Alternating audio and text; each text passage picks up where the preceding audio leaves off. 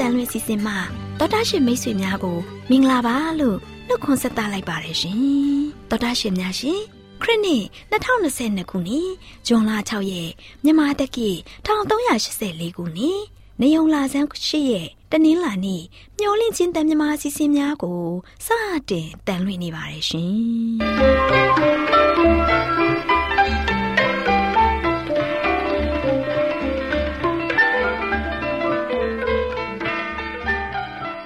တော်တာရှင်များခင်ဗျာမျောလင့်ချင်းအတန်မြန်မာအစီအစဉ်ကိုနက်နက်6နာရီမိနစ်30မှ9နာရီထိ16မီတာ kHz တစ်ခွန်ခွန်23ညညပိုင်း9နာရီမှ9နာရီမိနစ်30အထိ25မီတာ kHz 11943ညမှအတန်လွှင့်ပေးနေပါတယ်ခင်ဗျာ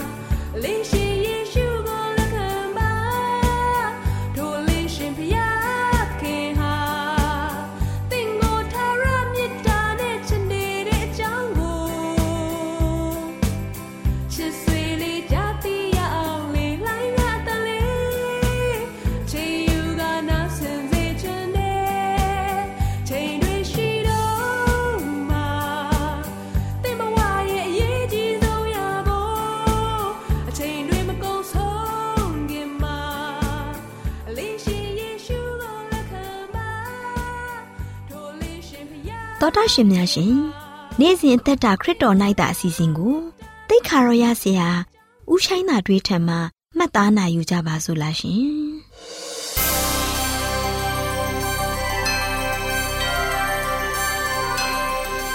ချစ်တော်တာရှင်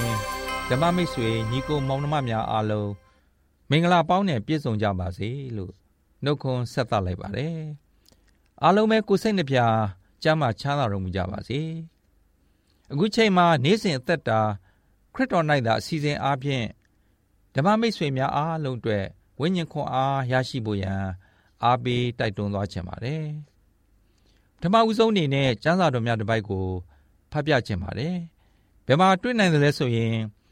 ရှင်လုကာခရစ်ဝင်ခန်းကြီးအငယ်30ထဲမှာဖြစ်ပါတယ်ဘယ်လိုဖော်ပြထားသလဲဆိုတော့လူသားသည်ပျောက်သောသူတို့ကိုရှာ၍ ကဲတင်အံ့သောငါကြွလာသည်ဆိုပြီးဖော်ပြထားပါတယ်ဒီကျမ်းချက်ကတော့ခရစ်တော်ကနေပြီးဇက်ခဲကို မိတ်တော်မူခဲ့တဲ့စကားပဲဖြစ်ပါတယ်လူသားဖြစ်တဲ့ခရစ်တော်ဟာဒီလောကမှာရှိကြတဲ့လူသားအလုံးကယ်တင်ခြင်းရဖို့အတွက်ကြွလာခြင်းဖြစ်တဲ့အကြောင်းဇက်ခဲကို မိန်တော်မူခဲ့ပါတယ်ချစ်တော်ရရှင်ပေါင်းတို့ခင်ဗျာ လွန်ခဲ့တဲ့1964ခုနှစ်နွေရာသီရဲ့အချိန်ခါသမယမှာဘုံမူချားစ်အယ်ကယ်လီဟာဗီယက်နမ်စစ်ပွဲမှာကွင်းရဲ့အကြံပေးအရာရှိအနေနဲ့အမှုထမ်းဆောင်ခဲ့ပါတယ်အထူးသဖြင့်ဘုံမူကယ်လီဟာသူနာပြုယဟယင်ဌာနမှာ အမိတ်ပေးရတဲ့အရာရှိကြီးတူပဲဖြစ်ပါတယ်သူရဲ့ယဟယင်ဟာဘယ်လိုပဲပြန်တန်းပြန်တန်း သူ့ရဲ့အသံကိုတော့စဘာခင်းတစ်လျှောက်နဲ့အုံးချံတကြောမှာ ပြန့်ကျဲနေပြီးအထီးကျန်ဘဝမျိုးနဲ့စစ်ပွဲဆင်နွှဲနေရတဲ့အမေရိကန်စစ်သားတွေဟာမှတ်မိနေကြပါတယ်အထူးသဖြင့်သူ့ရဲ့စွဲငင်မှုကောင်းတဲ့အသံနဲ့ဒါဟာဖုန်ခါရင်ပဲဖြစ်ပါတယ်အခုအခြေအနေလေ့လာရင် ပြန်တန်းနေပါတယ်အားလုံးအစဉ်ပြေကြပါရဲ့လားလို့ပြောဆိုလေရှိပါတယ် အဲ့ဒီစကားလေးသုံးခွန်းဟာမြေပြင်ပေါ်မှာရှိနေတဲ့စစ်သူရဲကောင်းတွေကိုတတ္တိတွေဗျတ်တိတွေပို့ပြီးတိုးပွားစေခဲ့ပါတယ်အဲ့ဒီလိုနဲ့ဂျွန်လိုင်လတရက်နေ့မှာတော့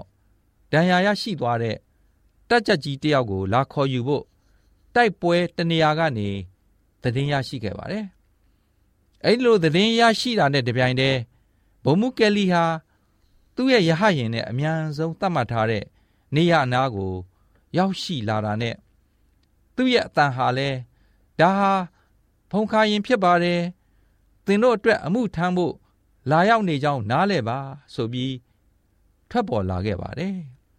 ဒါနဲ့ဘုံမူကယ်လီဟာယဟရင်ကို မြေခစေနိုင်ဖို့ဆက်ရဲ့အရှိန်ကိုလျှော့လိုက်တဲ့အချိန်မှာပဲရန်သူဘက်ကကြည်ဘူးတွေဟာယဟရင်ကိုတဲကြီးမဲကြီးနဲ့မိတ်ဖွဲ့လိုက်ပါတော့တယ် ဒါနဲ့ပဲမြေပြင်ပေါ်မှာရှိတဲ့ရဲဘော်တွေကလည်းရေဒီယိုအသံလိုင်းနဲ့ယဟရင်ကို မဆင်းသက်စေတော့ပဲနောက်ပြန်လှည့်ဖို့အော်ဟစ်ပြောဆိုခဲ့ကြပါတယ်ဒါပေမဲ့ဘုံမူကယ်လီဟာမကြောက်မရွံ့တည်ငြိမ်တဲ့အသံနဲ့သင်တို့ရဲ့ဝေဒနာကို ကျွန်ုပ်ရရှိတဲ့အခါမှာ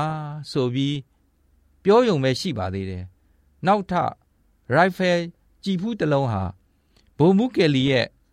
ကိုရင်းထဲကိုထိုးဖောက်ဝင်ရောက်သွားပါတော့တယ်ချစ်တော်ရရှင်ပေါင်းတို့ခင်ဗျာနောက်ဆုံးမှာတော့ယဟဟင်ဟာဒဏ်ရာရရှိသွားတဲ့ဘုံမူကယ်လီနဲ့အတူမြေခပျက်စီးခဲ့ရပါတော့တယ်ဒါပေမဲ့လည်းဘုံမူကယ်လီဟာတိုက်ပွဲမှာကြဆုံသွားခဲ့ရပေမဲ့သူ့ရဲ့နောက်ဆုံးစကားကိုကြားရတဲ့သူတိုင်းယခုတိုင်မေ့မြအောင် ရှိခဲ့ရပါတော့တယ်သူ့ရဲ့နောက်ဆုံးစကားကတော့သင်တို့ရဲ့ဝေဒနာကို ကျွန်ုပ်ရရှိတဲ့အခါမှာဆိုတဲ့စကားပဲဖြစ်ပါတယ်ချစ်တော်ရရှင်ဓမ္မမိတ်ဆွေပေါင်းတို့ခင်ဗျာလွန်ခဲ့တဲ့နှစ်ပေါင်း2000အချိန်တုန်းကဒီကဘာကြီးမှာရှိတဲ့လောကသူလောကသားများအားလုံးအတွက်တေရေးရှင်ရေးတမျှအင်မတန်မှအရေးကြီးတဲ့ကယ်ဆယ်ရေးလုပ်ငန်းတစ်ခုဖြစ်ပေါ်ခဲ့ပါတယ်အထူးသဖြင့်စัจ java လာတဝမ်းလုံးမှာရှိတဲ့သစ္စာခံဘဲတော်သားတိုင်းရဲ့ဗိုလ်ချုပ်ကြီးဟာအပြစ်ကဘာမြေပြင်အနှံ့မှာပြန့်ကျဲနေတဲ့ ဒဏ်ရာရပြီးသေလူမျောပါဖြစ်နေတဲ့ပုံကိုယ်တိုင်းကိုကယ်ဆယ်ဖို့မြေပြင်ပေါ်ကိုကြွဆင်းလာခဲ့ပါတယ်အဲ့ဒီဗိုလ်ချုပ်ကြီးဟာယဟရင်နဲ့ဆင်းလာခဲ့တာတော့မဟုတ်ပါဘူးအင်တမတိမ်ငယ်တဲ့နွားစခွက်ထဲကနေကလေးငယ်တယောက်အနေနဲ့ဆင်းသက်လာခဲ့ရပါတယ်သူရောက်ရှိလာပြီးတခဏအတွင်းမှာပဲကောင်းကင်တမန်တွေဟာဖခမည်းတော်ဖျားကိုသားတော်ကို ပြန်လဲခေါ်ယူဖို့တောင်းပန်ခဲ့ပါတယ်ဒါပေမဲ့ဒီအပြစ်ကဘာလောကထဲမှာ သေဘေးနဲ့တွေ့ကြုံနေရတဲ့လူသားတိုင်းကိုကယ်တင်ပေးနိုင်မဲ့ပုံကိုကတော့သားတော်ဖျားပဲဖြစ်တဲ့အတွက်ကောင်းကင်တမန်တွေအနေနဲ့ဘယ်လိုပဲတောင်းပန်တောင်းပန်ကယ်တင်ချင်းစီမံကိန်းကိုတော့သားတော်ဖျားအနေနဲ့အောင်မြင်တဲ့အထိအကောင့်ထဲပေါ်သွားမှာဖြစ်ပါတယ်။တစ်ဖက်မှာလည်းပဲ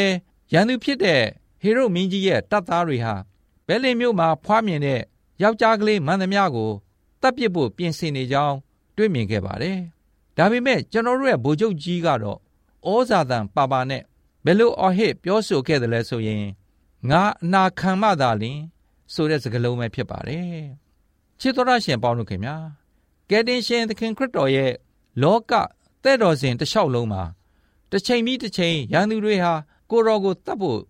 ကြိုးပမ်းခဲ့ကြပါတယ်။အဲဒီခါမှာကောင်းကင်တမန်တွေဟာကိုရော့ကိုကောင်းကင်ဘုံကိုပြန်ကြွသွားဖို့တောင်းပန်ခဲ့ပါတော့လဲ ကိုရောရှင်ရတခုတည်းသောတုတ်ပြန်ချက်ကတော့အနာခံမှသာလင်ဆိုတဲ့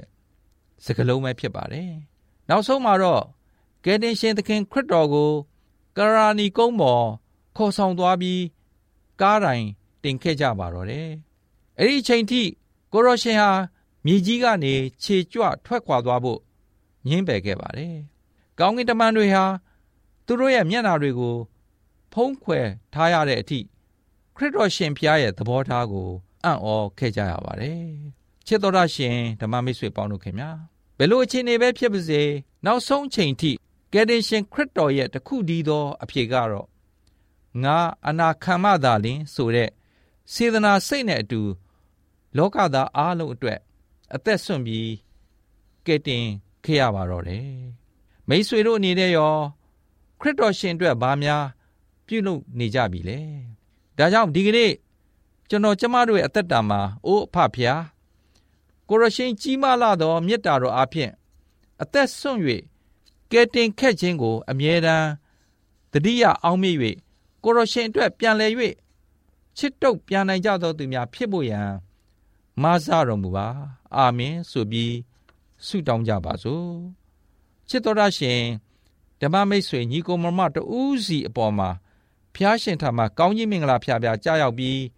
နေ့စဉ်သက်တာမှာခရစ်တော်ဖျားကိုအားကိုးယုံကြည်ခြင်းအပြင်အောင်မြင်ခြင်းအမြဲတမ်းရရှိနိုင်ကြပါစေ။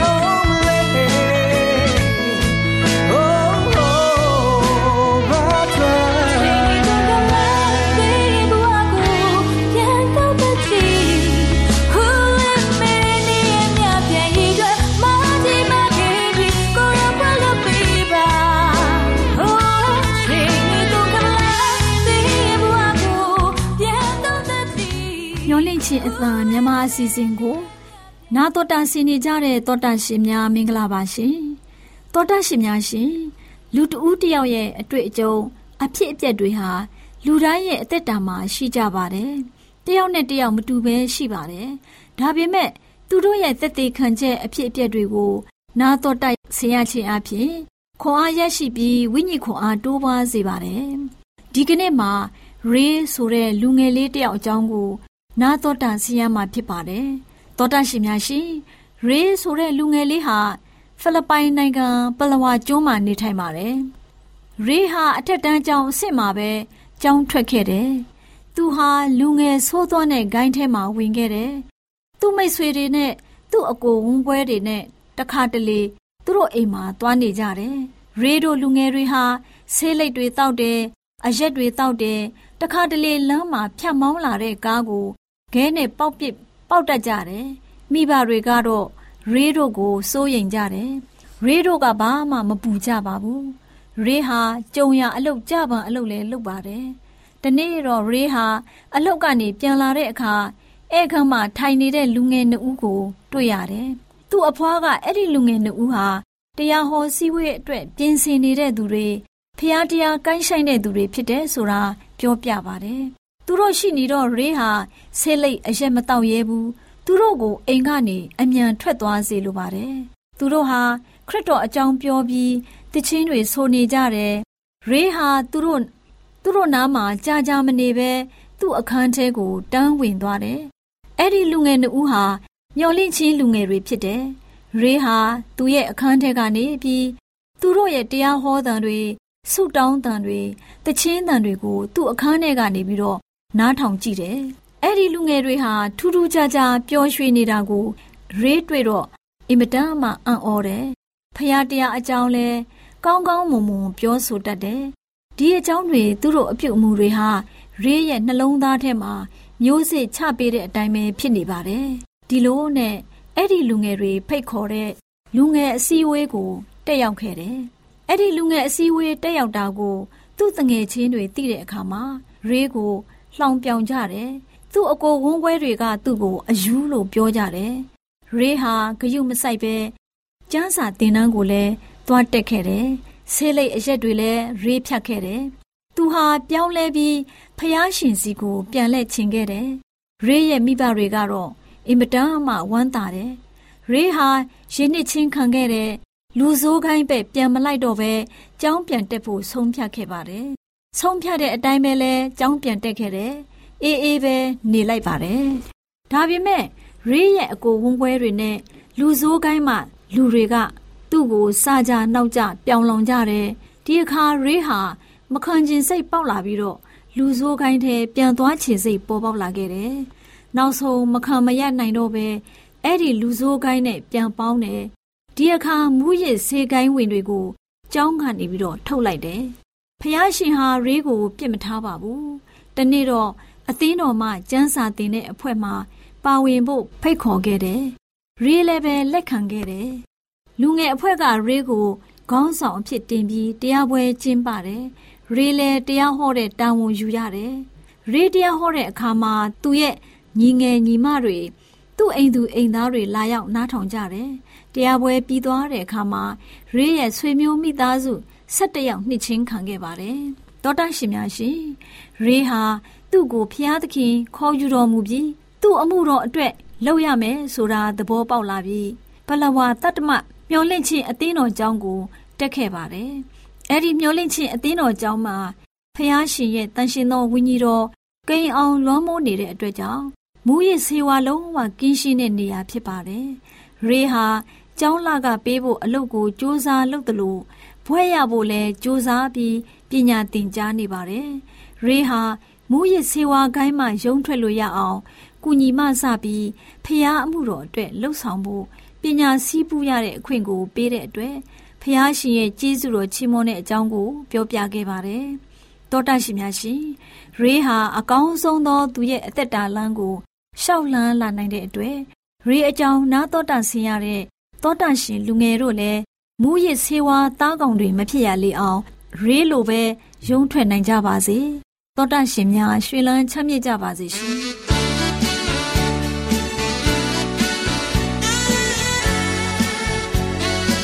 မျော်လင့်ခြင်းအတန်လူငင်မောင်မယ်လေးများတို့ကဘာကြိုးကြားပုံကိုများအစီအစဉ်မှာရေးစာတူးယူပွဲကဘာစာဆိုကြီးများနဲ့အခြားပုံကိုကြောကြီးများအကြောင်းကို တင်ပြပေးသွားမှာဖြစ်ပါတယ်ကွယ် ယနေ့လူငယ်မောင်မယ်လေးတို့အတွက်အတူယူပြီးဘဝခွန်အားဖြစ်စေမဲ့ပုဂ္ဂိုလ်ကြီးကတော့ပလေတိုရဲ့အကြောင်းပဲဖြစ်ပါတယ်ကွယ်။လူငယ်မောင်မယ်လေးတို့ရေပလေတိုဟာရှေးခေတ် Greece ဒသနာပညာရှင်ကြီးတစ်ယောက်ဖြစ်ပါတယ်။အေသင်လူမျိုးမိဘနှစ်ပါးကနေမွေးဖွားခဲ့ပါတယ်။သူကြီးပြင်းလာရတဲ့အချိန်ကရှေးလျားလာတဲ့အေသင်စပါတာစစ်ပွဲကာလလည်းဖြစ်ပါတယ်။ဒါကြောင့်ပလေတူဟာ အေသင်တက်မတော်မှာငါးနှစ်တာစစ်မှုထမ်းခဲ့ရပါတယ်ကွယ်။လူငယ်မောင်မယ်လေးတို့ရေနိုင်ငံရေးမှာအထူးစိတ်ဝင်စားသူဖြစ်လို့ပလေတိုဟာထင်ရှားလူသိများတဲ့နိုင်ငံရေးသမားတစ်ယောက်ဖြစ်လာပါတယ်။နိုင်ငံမှာရှိနေတဲ့အာဏာရှင်ဆန်တဲ့နိုင်ငံရေးပါတီတွေအပေါ်မနစ်မြို့စရာတွေတွေ့ရလို့အပြစ်မြင်လာပါတယ်။ တခါကသူ့အင်မတန်လေးစားချစ်ခင်ရတဲ့သူ့ဆရာဆိုကရတီစ်တည်တံပေးခံရလို့ကွယ်လွန်သွားရတာကိုမြင်ရပြန်တော့နိုင်ငံရေးလောကကိုစွန့်ခွာပြီးတကူရောပြည်သူဘဝသို့ကူးပြောင်းလိုက်ပါတယ်။လူငယ်မောင်မယ်လေးတို့ရေသူဟာနိုင်ငံရေးဆိုတာဘာလဲအခြေခံမှုတွေဟာဘာတွေလဲနိုင်ငံရေးဥဆောင်သူခေါင်းဆောင်ဆိုသူတွေဟာဘယ်သူတွေဖြစ်တင်တယ်လဲဘလို့ပြုမှုနေထိုင်တင်တယ်လဲ စတဲ့တွေးအမြင်တွေကို တွေးခေါ်စဉ်းစားပြီးတော့သူ့ရဲ့အမြင်တွေကို လူသိထင်ရှားဖော်ထုတ်ပါတယ်ကွယ်တစ်ဖက်ကလည်းစာအုပ်တွေရေးတယ်သူ့အတွေးအမြင်တွေဟာသူ့ဆရာဆိုကရတီစ်ရဲ့အတွေးအမြင်တွေပေါ်မှာအခြေခံတယ်လို့ဆိုနိုင်ပါတယ်။လူငယ်မောင်မယ်လေးတို့ရေပ လေတိုဟာသူ့ရဲ့ဆရာဆိုကရတီစ်အပေါ်အလိုလေးစားချစ်ခင်သူဖြစ်တဲ့အတိုင်းဆိုကရတီစ်တည်ရန်ကြခံရပြီးနောက်ရုံးတော်မှာသူ့မှာအပြစ်မရှိကြောင်းဆိုကရတီစ်ရဲ့ရှောက်လဲပုံတွေကိုအသေးစိတ်ဖော်ပြထားတဲ့ The Apology ဆိုတဲ့စာအုပ်ကလည်းအမှန်တရားရှာဖွေသူများနဲ့တမိုင်းအတွက်အရေးပါလာပါတယ်ကွယ်လူငယ်မောင်မယ်လေးတို့ရေပလေတိုဟာသူ့ရဲ့အသက်40လောက်မှာ စစ်စလီကျွန်းနဲ့အီတလီကို ရောက်သွားပါတယ်အဲ့ဒီမှာသင်္ချာဘာသာကိုစီးပူးလေ့လာတာပေါ့ကွယ်မကြခင်မှာအေသင်ကိုပြန်လာပြီးတော့အကယ်ဒမီကျောင်းကြီးကိုတည်ထောင်တော့တယ်သိပ္ပံပညာသင်္ချာပေါင်းသင်းဆက်ဆံရေးပညာကြိုးကြောင်းဆက်သွယ်စဉ်းစားတွေးခေါ်နည်းတွေကိုသင်ကြားပေးတာပေါ့ကွယ်နာမည်ကျော်အရစ်စတိုတယ်စတဲ့သိပ္ပံပညာရှင်တွေ ဒသနပညာရှင်တွေကိုမွေးထုတ်ပေးရာကျောင်းတော်ကြီးအဖြစ်နှစ်ပေါင်း800တိုင်းတည်တံ့ခဲ့တယ်လို့ဆိုပါတယ်လူငယ်မောင်မယ်လေးတို့ရေပလေတိုဟာတွေးခေါ်ပညာရှင်ကြီးတယောက်သားမက နိုင်ငံရေးအုပ်ချုပ်ရေးနက္ခပညာသင်္ချာယူပဗေဒစဉ်းစားတွေးခေါ်နည်းပညာစကားပြောနည်းနဲ့စာရေးနည်းပညာရက်တွေကို နောင်လာနောင်သားများအတွေ့ ရှေ့ဆောင်လမ်းပြသွားသူကျေးဇူးရှင်ကြီးတယောက်လိုလဲဆိုနိုင်ပါတယ်။ပလေတိုဟာအသက်82နှစ်အရွယ်မှာကွယ်လွန်ခဲ့ပါတယ်။လူငယ်မောင်မယ်လေးတို့ရေဒီနေ့ကြားသိသွားရတဲ့ကမ္ဘာကျော်ကြားပုဂ္ဂိုလ်ကြီးကတော့ကမ္ဘာပထမအကယ်ဒမီကိုတီထောင်သူဂရိပညာရှင်ကြီးပလေတိုရဲ့အကြောင်းပဲဖြစ်ပါတယ်။လူငယ်မောင်မယ်လေးတို့ရေကမ္ဘာထိပ်တန်းရောက်ပုဂ္ဂိုလ်ကျော်ကြီးတွေဟာ စည်ရေးခြင်းရဲ့တန်းကိုကြံ့ကြံ့ခံရင်ဆိုင်နိုင်ကြပါတယ်။မိမိလိုရာပန်းနိုင်စီတို့မလျှော့သောဇွဲတက်တီနဲ့အရောက်တက်လန်းနိုင်ကြပါတယ်။သူတို့ရဲ့ဘဝမှာစိတ်တက်ကြတာအလျှော့ပေးတာတွေလည်းမရှိပါဘူး။ဘလို့အခွင့်အရေးကိုမှရယူလိုခြင်းမှုမရှိသလိုမက်မောမှုလည်းမရှိကြပါဘူးကွယ်။မိမိတို့ကြောင့်လူတကာအကျိုးရှိရမယ်လူလောကကြီးတာယာလှပလာမယ်ဆိုရင်အတိုင်းမသိ ဝမ်းမြောက်ဂုဏ်ယူတတ်ကြပါတယ်။အဲ့ဒါကြောင့်လဲမိမိတို့ရဲ့ဘဝအောင်မြင်ရေးတက်လန်းကို ရှာဖွေနေကြတဲ့လူငယ်မောင်မယ်လေးတို့အနေဖြင့်လဲမိမိလူမျိုးမိမိနိုင်ငံအကျိုးကို အောင်မြင်စွာတည်ဖို့ရွတ်ဆောင်နိုင်ဖို့ရန်အတွက်ဖော်ပြခဲ့တဲ့ပုဂ္ဂိုလ်ကြီးတွေကို အတူယူပြီးတော့လိုရပန်းနိုင်ကို အောင်မြင်စွာစကူးနိုင်ကြပါစေကွယ်။မျော်လင့်ခြင်းတန်တော်တာရှင်များရှင် ကမ္ဘာကျော်ကြားပုဂ္ဂိုလ်များအစီအစဉ်မှာလေးစားအတူယူပွဲကမ္ဘာစာဆိုကြီးများနဲ့အခြားပုဂ္ဂိုလ်ကျော်ကြီးများစာအုပ်မှာစာရေးသူဆရာကြီးဦးဝံထိန်ရေးသားထားတဲ့ပလေတိုရဲ့အကြောင်းကို ကောက်နှုတ်တင်ဆက်ပေးခဲ့ခြင်းပဲဖြစ်ပါတယ်ရှင်။ကျေးဇူးတင်ပါတယ်ရှင်။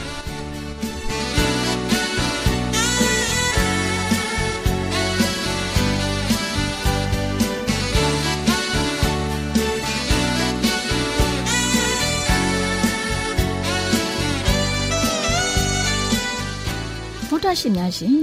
ကျမတို့ရဲ့ဗျာဒိတ်တော်စပေးစာယူတင်နန်းဌာနမှာ အောက်ပါတင်ဒားများကိုပို့ချပေးလျက်ရှိပါတယ်ရှင်တင်ဒားများမှာစိတ်ဓာတ်ဒုက္ခရှာဖွေခြင်းခရစ်တော်၏အသက်တာနှင့်တုန်တင်ချက်များတဘာဝတရားဤဆရာဝန်ရှိပါကျမ်းမာခြင်းနှင့်အသက်ရှိခြင်းသင်နှင့်တင့်ကြမာရေးရှားဖွေတွေ့ရှိခြင်းလမ်းညွန်သင်ခန်းစာများဖြစ်ပါရဲ့ရှင်။သင်တန်းအလုံးဟာ အခမဲ့သင်တန်းတွေဖြစ်ပါတယ်။ဖြစ်ဆိုပြီးတဲ့သူတိုင်းကို ဂုံပြုလွှာချီးမြှင့်ပေးမှာဖြစ်ပါရဲ့ရှင်။တော်တာရှင်များခင်ဗျာဓာတိတော်အတန်းစာပေးစာယူဌာနကိုဆက်သွယ်ခြင်းနဲ့ဆိုရင်တော့ဆက်သွယ်ရမယ့်ဖုန်းနံပါတ်ကတော့39 656 296 336နဲ့39 98 316 694ကိုဆက်သွင်းနိုင်ပါတယ်။ဓာတိတော်အတန်းစာပေးစာဥထာဏာကိုအီးမေးလ်နဲ့ဆက်သွယ်ခြင်းနဲ့ဆိုရင်တော့ l a l r a w n g b a w l a @gmail.com ကိုဆက်သွင်းနိုင်ပါတယ်။ဓာတိတော်အတန်းစာပေးစာဥထာဏာကို Facebook နဲ့ဆက်သွယ်ခြင်းနဲ့ဆိုရင်တော့ s o e s a n d a r Facebook အကောင့်မှာဆက်သွင်းနိုင်ပါတယ်။ AWR မျော်လင့်ခြင်းအတန်ကိုအားပေးနေတယ်တော်တာရှင်များရှင် မျော်လင့်ခြင်းအတန်မှာအကြောင်းအရာတွေကိုပုံမသိရှိပြီးဖုန်းနဲ့ဆက်သွယ်လိုပါက39 2939 3926 455နောက်ထပ်ဖုန်းတစ်လုံးအနေနဲ့39 688 464 48ခုကိုဆက်သွယ်နိုင်ပါတယ်ရှင် AWR မျော်လင့်ခြင်းအတန်ကို Facebook နဲ့ဆက်သွယ်ခြင်းနဲ့ဆိုရင်တော့ AWR ရန်ကုန် Facebook Page မှာဆက်သွယ်နိုင်ပါတယ်ခင်ဗျာ။အင်တာနက်ကနေမျော်လင့်ခြင်းအတန်ရေဒီယိုအစီအစဉ်တွေကိုနားထောင်ခြင်းနဲ့ဆိုရင်တော့ website လိပ်စာကတော့ www.awr.org ဖြစ်ပါတယ်ခင်ဗျာ။တော်တာရှင်များရှင် KSTA အာကခွန်ကျွန်းမှာ AWR မျိုးလင့်ချင်းအတံမြန်မာအစီအစဉ်များကိုအတံလွှင့်ခဲ့ခြင်းဖြစ်ပါတယ်ရှင် AWR မျော်လင့်ခြင်းအတန်ကိုနာတော်တာဆင် gay ကြတော့တောတာရှင်အရောက်တိုင်းပေါ်မှာဖျားသခင်ရဲ့ကြွယ်ဝစွာသောကောင်းကြီးမင်္ဂလာတက်ရောက်ပါစေကိုစိတ်နှဖျားကျမ်းမာရွှင်လန်းကြပါစေကျေးဇူးတင်ပါတယ်ခင်ဗျာ